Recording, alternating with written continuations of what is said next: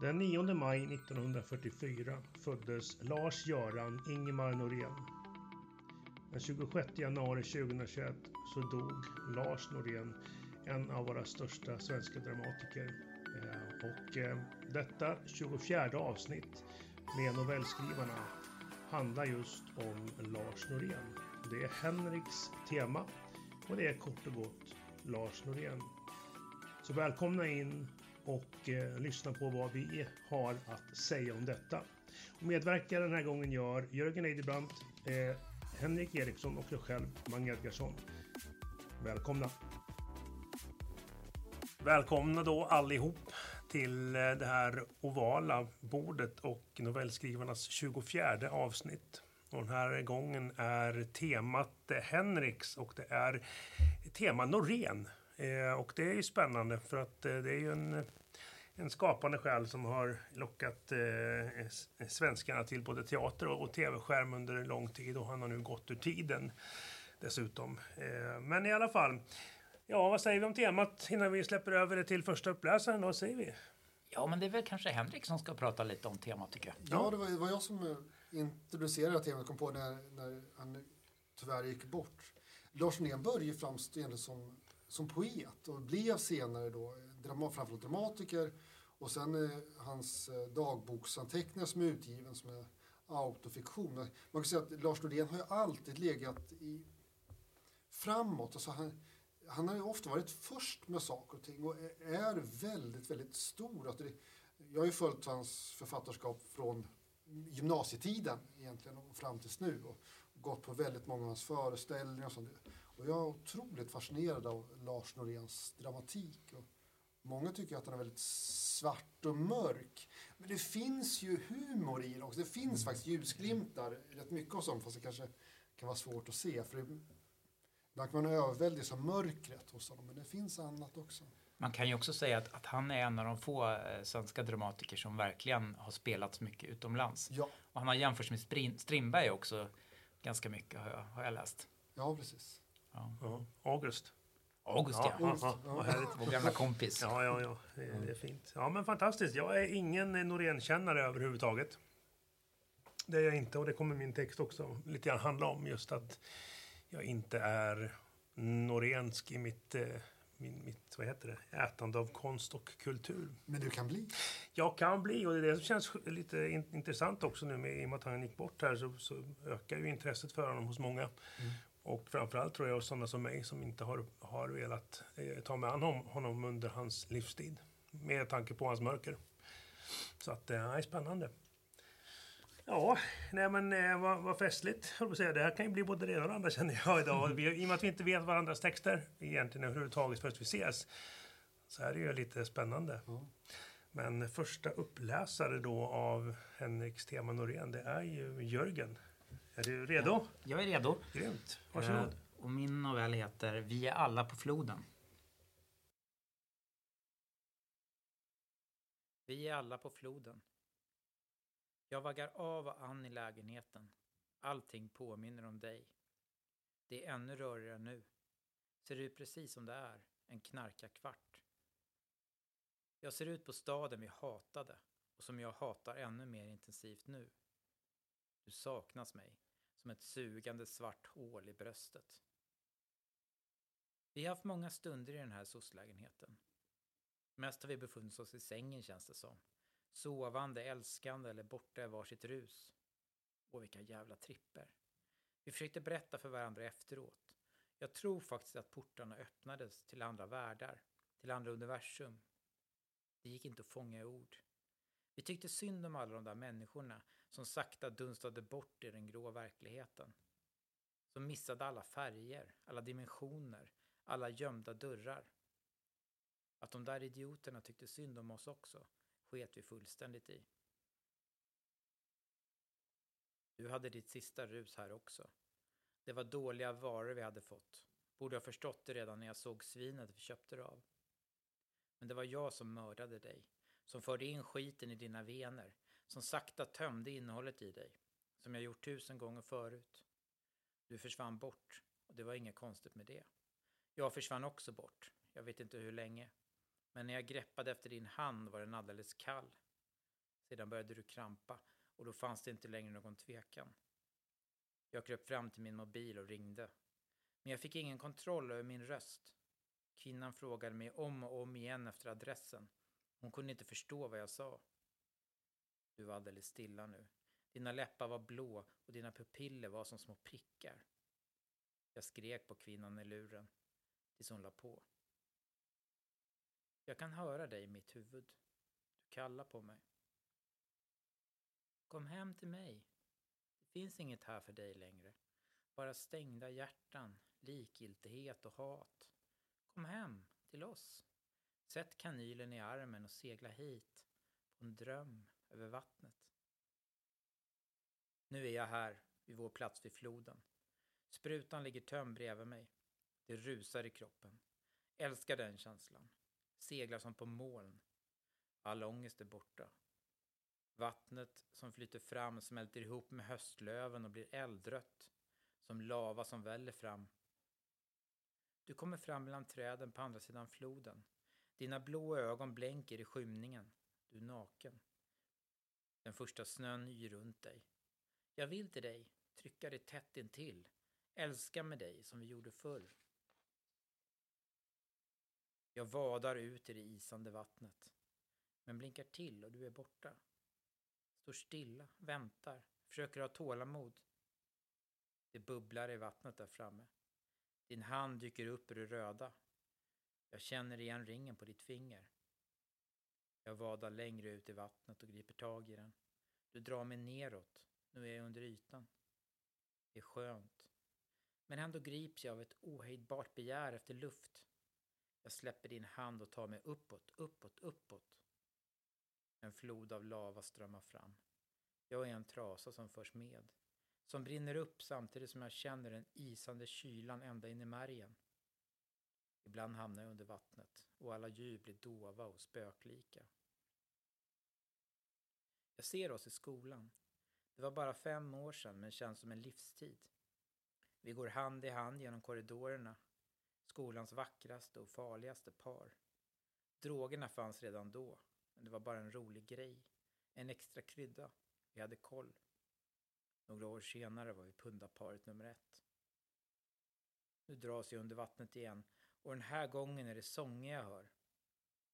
Din och många andras viskande sång. Det är underbart. Ni vill att jag ska sjunga med. Vi är alla på floden och det är lång väg hem. Jag vill komma till er. Jag vill. Jag vill. Men starka armar griper om mig och drar mig bort från er. Jag försöker kämpa emot, men har inga krafter kvar. Jag såg någon som liknade dig idag, på ett torg i Gamla stan. På en bänk satt hon, du, och tumlade runt i sitt eget huvud. Blek, vacker och trasig. Bredvid henne satt ett gammalt fyllo med intorkat kräk på skjortan. Hjärtat stannade för några sekunder. Allting föll ner över mig igen. Jag är fortfarande säker på att du var där i vattnet på något plan den där kvällen. Ibland önskar jag fortfarande att de inte hade dragit upp mig. De här åren har varit bra. Jag fick en psykos, blev inlagd en lång tid och slutade med drogerna. När jag kom ut var det som livet öppnade sig på nytt. Jag hade inget att förlora och inget att vinna. Nu bor jag i Stockholm och har en familj. Maria och mina döttrar. De är jävligt fina alla tre. Mycket mer än vad ett vrak som jag förtjänar. Jag har till och med ett fast jobb. Lite av ett skitjobb på ett lager, men ändå. Inget är på riktigt, men det är bra. Ett liv med dig kunde bara ha gått åt helvete för oss båda. Vi var som kannibaler som åt upp varandras själar, bit för bit. Ändå slår det mig nu. De här åren har passerat i en sorts overklighetsdimma. Medan minnen av dig och floden fortfarande lyser lika starkt. Som om jag blir smittad av något där och då. Som om en del av mig blir kvar under vattnet. Allt annat är bara en lång jävla parentes. Någon sorts illusionär frist. Det är som det finns en snara runt min hals och nu drar den mig tillbaka. Jag gick till Sergels torg och längre, mycket längre. Det var som att återse en nära vän. En ond och elak fan till vän, men ändå. Så nu har jag återvänt till staden och floden. Står på bron och följer med blicken hur det strömmande vattnet försvinner in i skogen långt där borta. Där du och jag brukade hänga och mötas i våra rus. Jag har inte berättat för någon att jag ska hit. Känner inte längre någon i den här staden. Den är ännu mer avfolkad och meningslös nu. Men jag är inte här för stadens skull. Det är som en röst att kalla mig hit, i drömmarna. Ibland om dagen och ibland om natten. Kanske är det din röst. Och när jag står här och ser ner i vattnet är det som jag hör den alldeles tydligt. Din röst, tillsammans med många andras. Kom hit, kom hit till oss. Vi är alla på floden. Kom hem. Det var precis en sån här sen höstkväll för 15 år sedan som de drog upp mig. Det borde de inte ha gjort. Det var för sent. Jag var redan på väg ner för floden med er. Tiden är ingenting. För er är 15 år en blinkning. Jag skriver ett sms till Maria. Förlåt, jag älskar er. Det är inte ni, det är bara jag. Sedan häver jag mig över räcket och faller mot vattnet. Innan jag hinner tänka efter och ångra mig. Jag sjunker. Den här gången kan ingen dra upp mig. Du är där, som jag visste att du skulle. Du tar min hand och vi dyker tillsammans. Ni är där, nära botten. Jag tillhör er. Det har jag alltid gjort. Vi simmar mot de blå bergen. Vi är alla på floden. Vi är på väg hem. Ja, alltså det här var ju verkligen Lars Norén genom Leidebrands ögon. Alltså verkligen en tolkning av, av, av Norén. Man hör väldigt tydligt din röst alltså, i, i det hela. Uh, så det var spännande. Ehm, det, det som är kanske är gemensamt är den här känslan för de utstötta som jag tycker nog du också haft Jörgen genom allt du skrivit att det finns någon slags de som är lite i kanten eh, utanför. Precis, Lars Norén har ju en otrolig tonträffhet när det gäller ja, alla med de som är i de här personkretsarna. Och det återfinns tycker jag generellt sett i ditt författarskap, eh, Jörgen. Så det tycker jag var väldigt kul att höra. Ehm, ja. Ja, nej, men jag är ju ingen Norén-dyrkare. Eh, så. Eh, jag har inte följt honom alls. Jag vet att jag fick upp ögonen för honom lite grann med det här med Alexander-figurerna eh, som det har varit lite stök kring den produktionen och sådär om man får uttrycka sig milt. Och då fick jag väl upp ögonen för att han fanns. Och sen efter det så, så jag tror väl någonstans kanske att jag drog en mental, nej men den här gubben behöver inte jag ha med att göra med tanke på vad han pysslar med liksom i, i det. Jag, jag, gjorde inga efterforskningar för det fanns ju inget internet just där och då. Så att, jag tycker att det är lite synd, för det var ett stort trauma för Lars, Lars Norén, den uppsättningen. Jag var ju och såg den uppsättningen bara ett par dagar innan rånet och de här fruktansvärda morden. Ja. Men som föreställning var den fantastisk. Alltså, det var på riktigt stor konst. Ja. Och sen finns de här tolkningarna att det skulle vara nazipropaganda. Tvärtom skulle jag säga. Det var inte så att man när man gick ifrån den föreställningen att ah, det här med nazismen verkar vara en bra idé. Utan nej, verkligen tvärtom. Ja. Uh, och... Precis. Nej, men det, det jag tänker är det, det är ju alltså det är en. Det här är ju en, eh, en skön svart berättelse om att, att det här med att försöka ta sig ifrån sitt öde och sen ändå tillbaka till det och, och man dras tillbaka. Som ja, det verkligen, mm. verkligen sjunker ner. Alltså det är ja. så här, obevekligt bara sjunker ner det är ju i mörkret. Missbrukarnas eh, stora, stora, stora eh, det är så det, det oftast blir. Ja. Och det är väldigt tydligt i personkrets 3, 3 kolon 1 också ja. hur, hur de försöker komma undan liksom. Man hela tiden dras tillbaka. Precis. Här är det, handlar det ju liksom inte om, om många år utan det handlar om några timmar, men ändå. Ja. Och ibland kanske någon vecka eller lite längre tid. Ja, men de är så helt övertygade om att nu är jag på väg härifrån. Och så några timmar senare så är de tillbaka i samma skit, kanske ännu värre. De dras tillbaka till De vill men kan inte. Nej, Nej det är, så är det ju. Eh, Misery Loves Company och så vidare. Det är, nej, men jag tyckte det var eh, träffande. Och har man på något sätt upplevt eller levt hyfsat nära någon eller levt nära någon som har haft exakt den här problematiken. Just det här med att eh, hamna i missbruket, ta sig ur det, skaffa familj, få ordning på det, men till slut ändå falla ur. Trots alla försök, alla godhjärtade, eh, egentligen välriktade försök till förbättring så har man ändå till slut hamnat i den misär man en gång försökte fly ifrån. Det är som att man i gummibandet drar en tillbaka. Så nej, men jag tyckte det var jag tycker det är bra. Det var en fin text. Jag tycker det, det är spännande också och det framgår en hel del i, i personkrets där, men att det är ju inte bara misär. Alltså, det är ju inte bara kemiskt heller. Det är inte bara ett kemiskt beroende utan jag tror att själva kicken i sig är någonting som drar tillbaka. Att det är ju lite tabu att prata om men jag tror om man är djupt inne i droger och sådär, eh, också alkoholister, att, att de upplever ju euforiska ögonblick. Som, som kanske är svårt. och fri till, ja. till drogen. Ja, man älskar drogen och hatar den samtidigt. Och svårt att uppnå om man inte använder sig av droger. Mm. Och det där är också, tror jag, någonting som, som, som drar dem tillbaka sen. Att de inte upplever samma kickar sen liksom, i vardagen. Ja, precis. Sen är det ju säkerligen otroligt mycket mer komplext. Um, såklart, det handlar ju ja, om, en, eh, om ett att man inte mår som man skulle behöva må Nej, för att leva det liv man vill. Eh, och det, det finns många anledningar till missbruk. En del vill döva, det de håller på med eh, och det liv de lever och en del hamnar i det kemiska missbruket, att det blir en sån skarp koppling till beroendet att det måste ha, måste ha. Det, jo, precis. Eh, och en del, ja, men så är det. Jag, jag, jag har ju hyfsat nära till det där. Jag har haft flera släktingar som har gått den vägen och det har inte gått bra för någon av dem. Så det gör ju att jag har svårt att jag har svårt att se humor i det. Jag har svårt att jag ser bara det här är svart. Eh, det kan ju mm. finnas humor där och där då. Det, jag menar jag, inte, inte humor i missbruket. Nej, det, men, det är inte det jag menar. Nej. Men alltså det finns... De här människorna är ju människor. Ja, de, de, skrattar och gläds och älskar och... Ja. Som alla andra människor. Precis, och det, och det är de har sitt gemensamma missbruket och därefter, sen så är de ju människor och för det finns ju ingen hyllning av missbruket hos Lars Norén, tvärtom. Nej, nej det, det, kan man förstå. Mm. Tvärtom. Eh, liksom. Men det är väldigt samhälls... Det är lite så här, det, det är ju samhällsrealism eh, i sin renaste form. Att inte eh, klä upp dig i ja, andra kläder än de som passar liksom. Utan det här är så här illa är det och så här komplext. Jag hörde ju de som spelar personkrets 3-1. Eh, då hade de spelat den i flera, flera kvällar på rad och skulle de gå ut på restaurang efteråt och blev inte insläppta.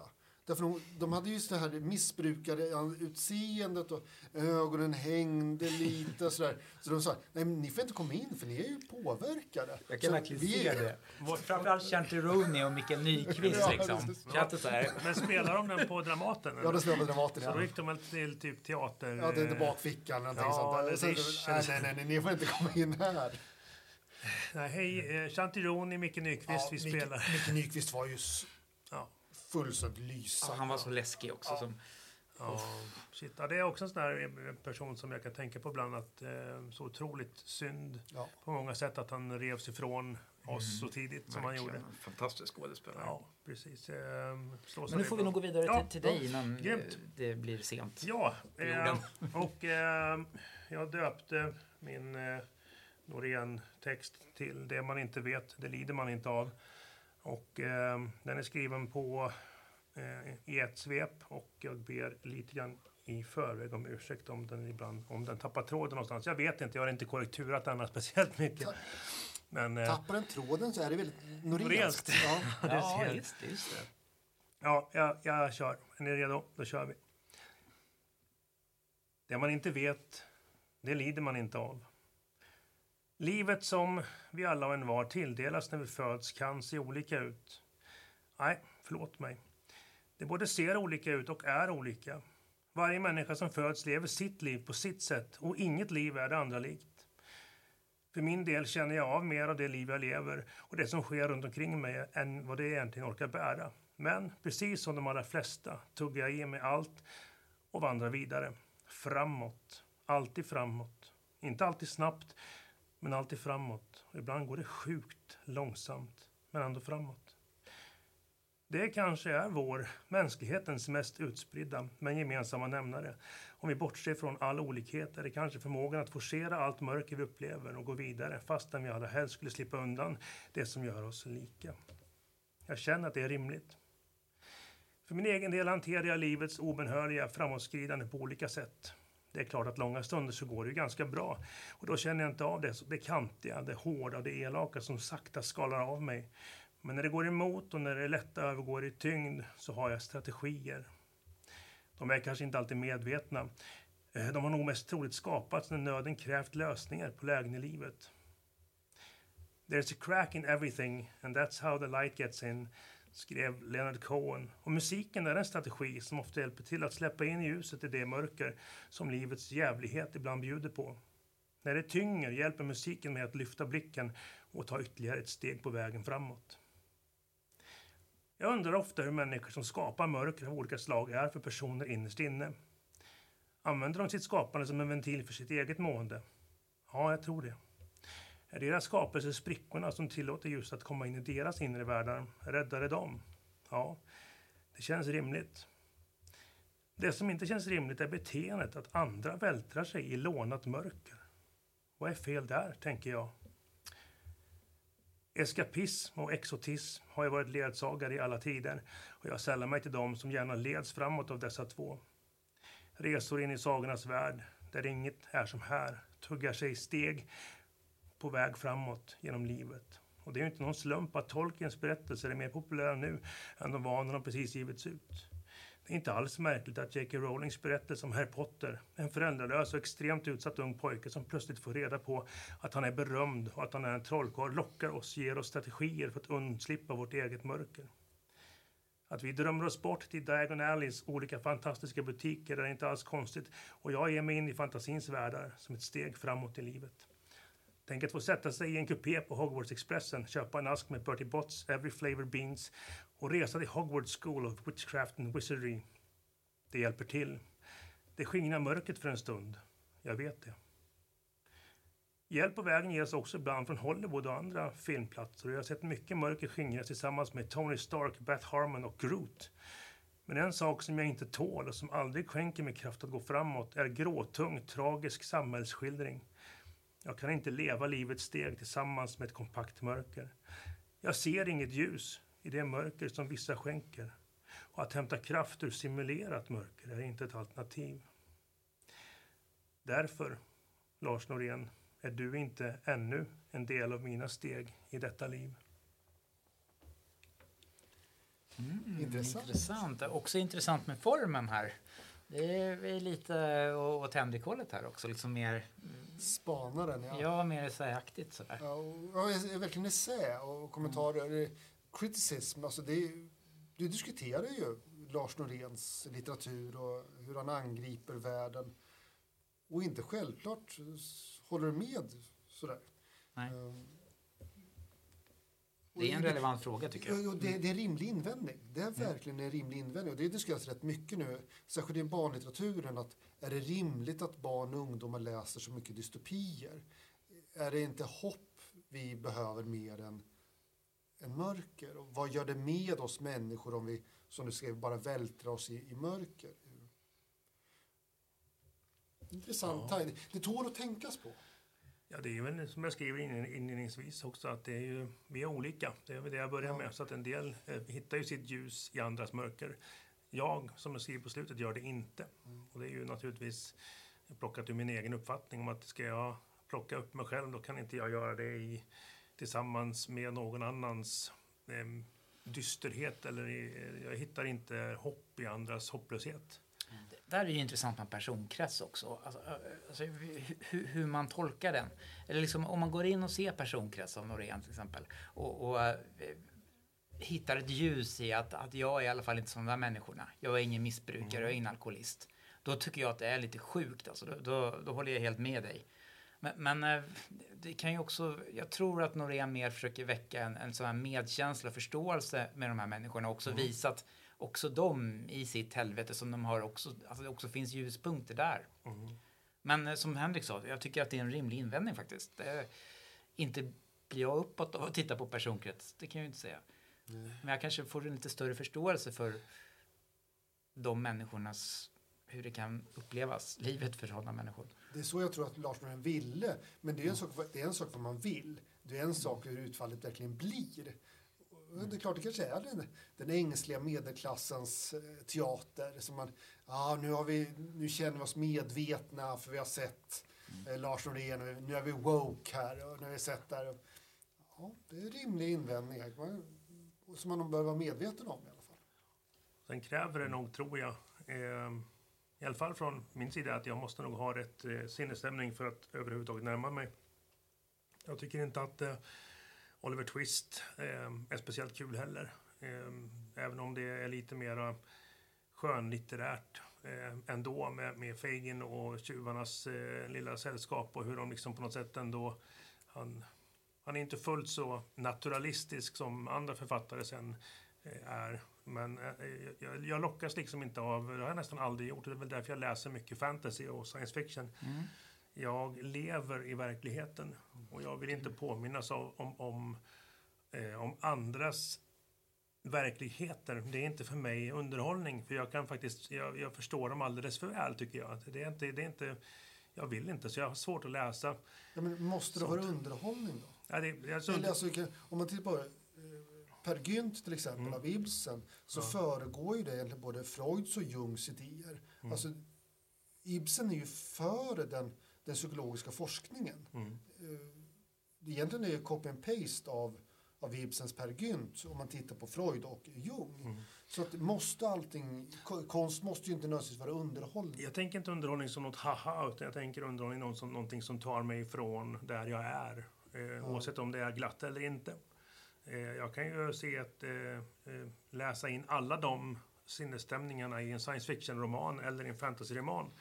Men det tar mig ändå till någon, en annan plats. Eh, oro, sorg, glädje finns ju i dem också. Men det är inte på, på Malmskillnadsgatan bland hororna och torskarna utan det är i, ja, inte vet jag, Nangelima för att plocka Astrid Lindgren Alltså. in i det hela. Mm. Eh, jag har nog nästan aldrig lockats av tung vardagsrealism. Nej, det är som, du pratar om Tolkien. Där är ju, han vill ju skapa myten, myten som, som framåtskrider. Tolkien är inte eskapist. Han menar att det här är en mytologisk berättelse. Låt oss lära av den hur vi ska göra det bättre. Alltså, att vi alla är hobbitar. Så att säga. Mm. Låt oss odla i vår trädgård. Ja, precis. så. Men jag ty- en, en stor styrka med din text är ju faktiskt att, att du ställer en tydlig fråga som man sen kan diskutera väldigt länge. Och, och du ger ju också exempel från, från Harry Potter till exempel och Sagan om ringen och, och ställer det lite mot den typ av verklighet som en sån som Norén ofta skildrar.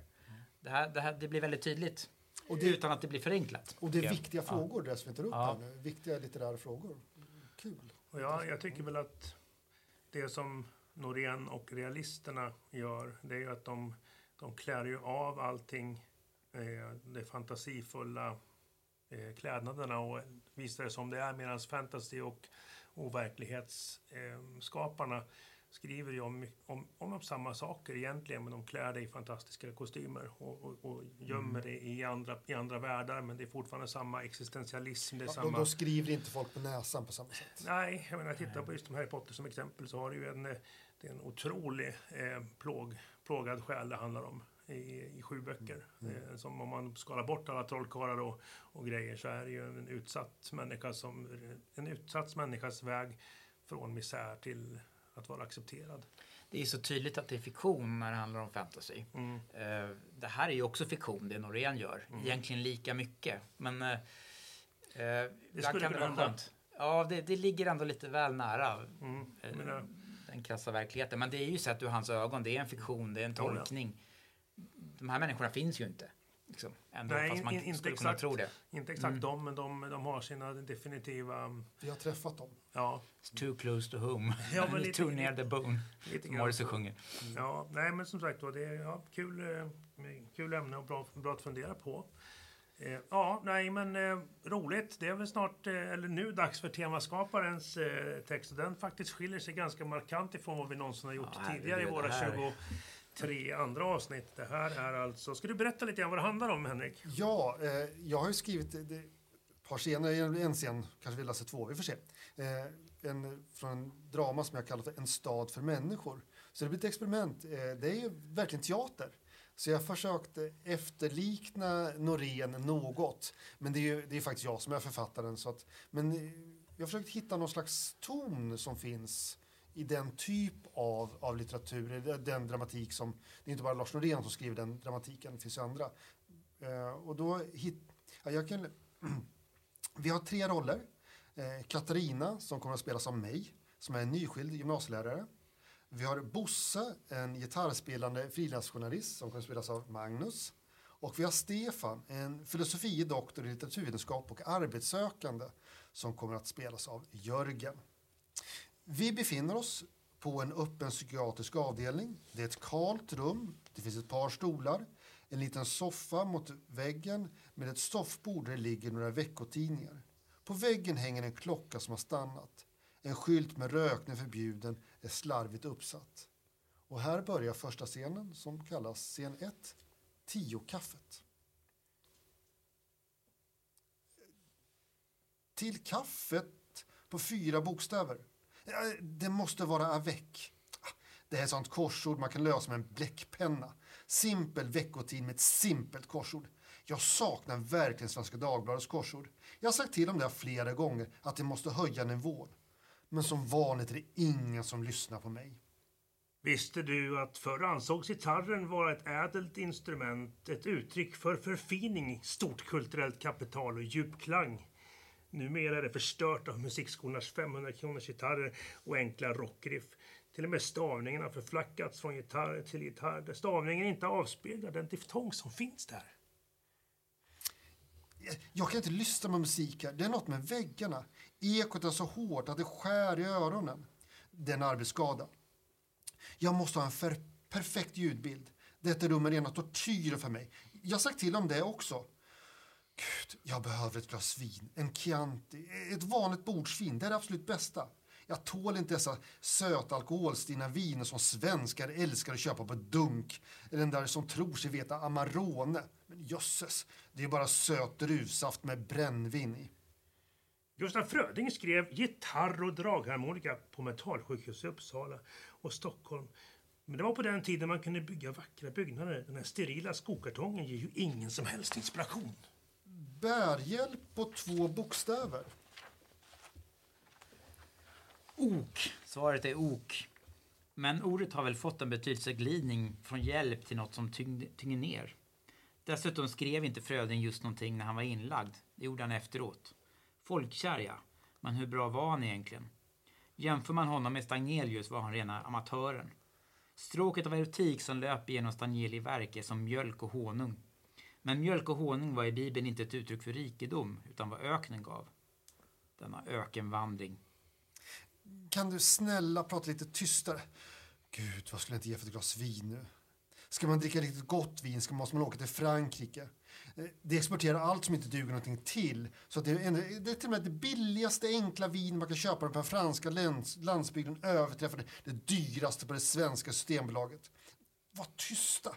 Ge mig en huvudvärkstablett, snälla. Nej, jag har bara Treo. Katarina tar en Treo-tablett och börjar knapra på den. Minns ni när man kunde köpa Triokomp, eller få Triokomp utskrivet till sig själv utan att läkarna tjatade om att man gnällde om att det var beroet Kanada. Jadda, jadda, jadda, jadda. Så länge han bara fick Triokomp kunde jag undervisa. Två Triokomp och en kopp kaffe innan första lektionen. Men ungarna nu kan varken läsa eller skriva längre. Det man läst förr läser på mellanstadiet läser man nu på gymnasiet. Men snälla, var tysta nu. Vet ni vad problemet med att vara väluppfostrad är?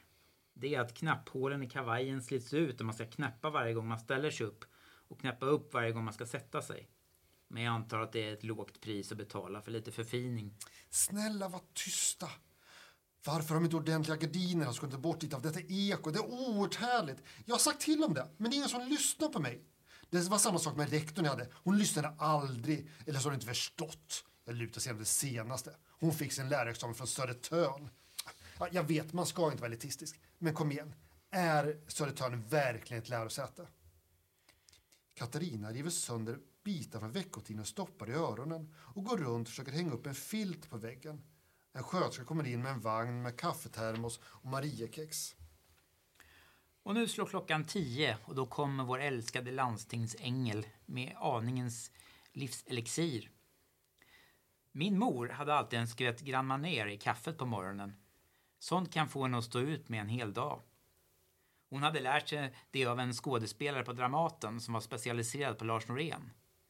Vet ni att Lars Norén ses som lika stor i Frankrike som Strindberg, eller större? Paris, det är en stad för människor. Det finns inte längre några städer för människor i Sverige. Holbeck, den kanske största författaren i vår tid, åker till exempel aldrig till Sverige för att man inte någonstans får röka på hotellrummet.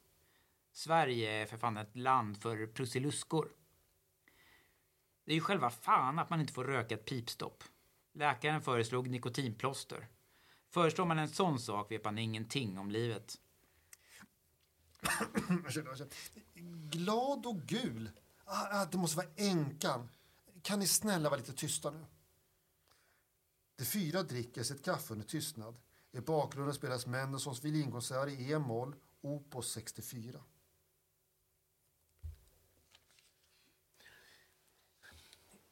Rent spontant så måste jag väl faktiskt säga att det här skulle jag att vi har mer av. För att det engagerar oss allihopa samtidigt. Eh, jag själv kände en, en rätt skön dynamik i det här och eh, tyckte att det var jävligt roligt. Sen eh, så, så ja, nej, realism, realism såklart. Väldigt, väldigt mycket vardag. Och det känns som tre jävligt osynkade människor. Ja. som inte överhuvudtaget lyssnar på varandra. Det enda, som, den enda kopplingen de gör är när Bosse håller fram en trio. Det är enda gången de kopplar ihop. Resten är bara, nej.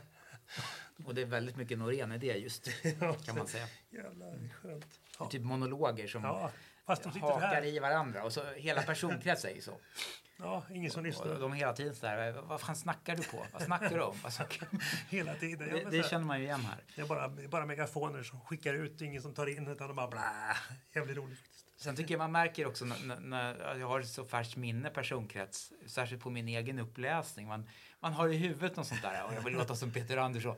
Och så, nej, fan, fan vad, vad mycket de gör med texten, skådespelare. Ja. Vad mycket de lägger till som man kanske inte kan när man när man inte har verktygen. Liksom. Men det är ju tredimensionellt, definitivt. Eh, ja. Just ett skådespeleri, för själva replikerna måste ju också få liv. Och det gör ju vi lite grann. Henrik eh, jobbar ju liksom i eh, sin replik eh, men inser i talande stund att nej, men jag lägger till ett herregud som inte står eller ja, jag gör tillägg som jag känner att min karaktär behöver. Nu har ju inte vi pluggat på de här. Min Bosse kanske är mer eh, snus, eh, liksom så här eh, bombastisk och, och lite stökig sådär. Men, men ja, det vore kul att göra mer sånt här. Min skulle nog också behöva vara lite mer bombastisk och lite mer högljudd känner jag och lite mer tvärsäker på sig själv. Ja, det är Så ska jag nog läsa om jag, om jag gjorde den igen. Mm. Eh, jag skulle ju liksom nästan vara lite, lite aggressiv i mitt, min tolkning kanske i och med att han är en frilansjournalist och de är ju inte helt, eh, i min värld i alla fall, inte de mest finkänsliga människorna för de ska ju fram, verkligen fram och sticka näbben i allt. Eh, mm. Men han är lite han pratar om det med gitarren och ja, jag hade ju otroligt roligt när jag skrev ja, det här. Jag kan tänka mig det, det var kul faktiskt. Ja. Grotta ner sig i de här för jag, jag har inte gått ner så mycket, men det var, bara, bara skapa ytan. Men det känns som ah, det här vill jag nästan fortsätta skriva ja, lite Vilken på. rolig form att göra på det här sättet också faktiskt. Ja, jag tycker att vi öppnar upp för lite nya grejer. Eh, såklart att, att för det, är ju, ja, men det här tyckte jag var riktigt kul för då, då får vi också vi får samspela istället för att vi bara eh, spelar solo tillsammans så blir det liksom ett ja men vad roligt. Ja, men det var kul. Det här, det här tar jag med mig, som, man, som det heter så mycket så bra idag. Det var faktiskt jävligt roligt. Det här med, med alltså, Norén-blinkningen med att, att det är mycket monologer som råkar mötas. Det, det passar ju bra med det här då, liksom, att, att vi får det här uppdraget utan att ha hunnit läsa innan. Liksom. Nej, precis. Då blir det ju automatiskt lite sådär att man koncentrerar sig bara på sin egen replik. Ja, ja. för de här tre, de är helt självupptagna. Alltså, de är ju, ja. de är ju, alltså, de är inte bara psykiatrisk avdelning och de, de mår ju dåligt. Ja. De kan bara fokusera på sig själva. Alla andra är... Inventarier typ? Ja. Mm. Knappt det. Med öar i, i, på ensamhetens hav. Det är lite kul med Katarina som löser korsord. ja. ja, och de andra är ju fullkomligt obrydda. Fast ok! Ok är svaret! ja. Eh, ja, nej, men det där är ju... Oh, shit. Nej, det är bra. Nej, det var en överraskning. Ja, det är det som är så kul med det här. Att vi, när vi ses att det är så, det är så... Det går inte riktigt att... Ett tag så var vi rätt förutsägbara. För, mm. I första, första tio avsnitten så, så, levererade vi ungefär likadana grejer allihopa. Men nu har det dykt upp både liksom Det spaningar och, och drama, Mm. dramatik. Ja, Henrik har nog fört in en del eh, nya element Ja. flera gånger här Ja, faktiskt. både spaningen och det här pjäs Mm. teatraliska. Så att vi, vi, ger, eh, vi ger Henrik eh, hästhuvud Ja, tack så mycket. Som, eh, jag, Eller något. som en eh, symbol för, att, för nytänkande och eh, lim. ja, nej, skämt åsido, vad kul. Eh, vi har... Eh, ja, jag plockar väl upp eh, sluttråden lite grann i det här. Och nästa tema måste vi ju presentera nu när vi Ja. inte har temaskaparen själv här. Precis, det får vi göra när vi har... Eh, precis, det gör vi innan vi knyter ihop den berömda säcken. Eh, nej, men jag tycker personligen det här var kul. Jag har lättare att producera i andras eh, eh, teman än mina egna. Har det visat sig nu på slutet. Eh, och eh, jag tyckte att det var spännande. Och det var spännande framförallt för att jag hade egentligen väldigt, väldigt lite på benen angående själva Noréns skapar hans tid på jorden som skapare. Jag måste, jag måste ju göra den resan nu och ta- reda på lite grann. eh, Eller också måste du inte det. det, det, det, det kanske, din text handlar ju också mycket om att du, du kanske tycker om andra typer av berättelser. Ja. Alla måste ju inte läsa samma heller. Liksom. Jag vill också gå tillbaka med en tidig Norén, eller hans dagböcker, eller hans poesi som, Ja. som har fallit tyvärr lite i glömska för hans dramatik. Hans lyrik är riktigt, riktigt bra. ja, men så kan det ju bli. Eh, Jag har inte... Det är så mycket, liksom, man märker det när man börjar rota i böcker och, och skapar att det finns en oändlig mängd. Så att under en livstid hinner man ju inte med allt. Så det gäller att välja klokt. Eh, nej, men jag tyckte det var kul. Jag eh, tar med mig eh, framförallt eh, eh, den här sketchen, eller vad ska man kalla det för, våran pjäs här som Henrik stod för. Så att tummen upp till tema Norén. Vad säger Jörgen om det här då? Ja, nej, jag, jag behöver inte säga så mycket mer. Nej. Eh, Allt, allt var sagt där. Ja, det tycker jag. Ja. Nej, men då tackar vi väl eh, Henrik för ett eh, bra tema. Tusen tack för att ni var med och medskapade. Härligt, Mm. härligt. Och eh, nästa tema är då Lotta som står för. Ja, och det- vad handlar det om? Högmod var det va? Ja, jag tror det var högmodiga. Ja, det är dödssynder på gång igen. Eh, spännande. Högmod går före fall. Men jag tror också att det var att, att det skulle vara ur en kvinnas perspektiv. Är ni kvinna i huvudrollen? Okej, Ja, i huvudrollen i alla fall, huvudrollen. ja. Men spännande. Ja. Det Jag vet, är, Katarina kanske kommer tillbaks. ja, Ja. spännande. Eh, män är inte alltid jättebra på att skriva kvinnor. Eh, och kvinnor är inte alltid jättebra på att skriva män. Vi får se hur vi lyckas. Mm. men Just det kan vara spännande också att man, man hittar lite andra nyanser och vinklingar på det. Ja. När man blir tvungen att ta sig in i det där. Hur skulle... Så här tänker jag. Hur kan jag vinkla det till...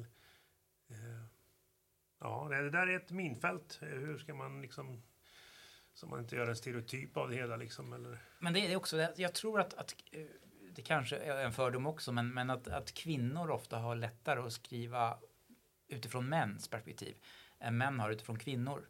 Och jag bygger det också lite på att jag har läst hundratals noveller liksom, som elever har skrivit. Mm. Och där är det väldigt vanligt faktiskt att, att, att tjejerna skriver ur killars perspektiv. Men det är väldigt ovanligt att det är tvärtom. Och Fast är- om man tittar ja, på precis. Gustave Flaubert, eh, Madame Bovary. Det är så, Madame Bovary, c'est moi. Ja. Ja, eh, alltså, att Madame Bovary är jag, menar ju då Flaubert. Mm. Mm. Så att, det finns ju några lysande undantag. Ja, det gör Ja. det, gör absolut. Men det där är lurigt alltså. För att jag, ja, det kan det bli en jättelång diskussion om det om man vill. Men tittar vi på hur vår in, eh, underhållningsindustri har sett ut sedan eh, ja, nästan urminnes tid i stort sett så är det ju otroligt mansdominerat. Det är ju nästan Titta på mängden kvinnliga starka huvudroller i, i filmproduktionen sedan eh, ja, 1900-talets början och fram tills nu så kan ju de räknas på ena handens fingrar. Ja, rent eh, Bildligt. Eh, bildligt talat, det är klart att de är fler än fem. Men eh, jämfört med hur många män som, har, eh, som står på Oscarslistorna så, så känner, det känns som att det är mycket manligt. Och det gör ju också att kvinnorna har ju också fått väldigt mycket man, eller facit på hur män ska porträtteras. Så det, det ligger i det där också, det tror jag absolut. precis. Det Nu tror jag du måste stänga butiken. Jag måste med en buss. Eh, eh, Jörgen ska med en buss som går från eh, Örnsköldsväg. Eh, Mm. tror han heter. Eh, och eh, vi andra ska vidare i livet, storhandla och annat. Jag vet inte. Jag ska cykla hem mest. Ja, det är alla hjärtans dag dessutom. Så att vi har väl kanske någon vi vill tänka lite extra på. Eller inte. Det är lite olika. Ibland tänker man bara på sig själv och ger sig själv en present. Vi får Eh, krama varandra i trafiken. Ja, ja, man får helt enkelt göra sig vän med någon man inte känner och säga hoppas att du har en bra alla hjärtans dag idag. Men med det sagt, eh, vi eh, tackar för oss och eh, återkommer ja, inom eh, hyfsat kort. Vi kan väl säga det lite snabbt att vi har ju, eh, vi har ju kört varannan vecka förut eh, under 2020. Men vi har väl tagit ett halvhårt beslut på att vi ska köra ungefär var fjärde vecka. Det Ja. blir att vi halverar antalet avsnitt. I alla fall antalet planerade avsnitt. Sen får vi se om vi dyker in med lite specialare in emellanåt. Men framförallt eh, var fjärde vecka. Så att vi eh, hinner med helt enkelt. Ja.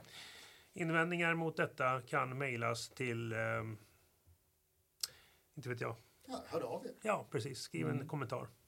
Så lo- lovar vi att läsa det. Nej, skämt åsido. Ha det bra. Vi ses. Hej! Hej, hej. Du har lyssnat på det 24 avsnittet av Novellskrivarna och temat den här gången var Lars Norén. Vi som medverkade var Jörgen Leidebrant, jag själv Mange Edgarsson och temaansvarige Henrik Eriksson. Vi hörs snart igen. Tja!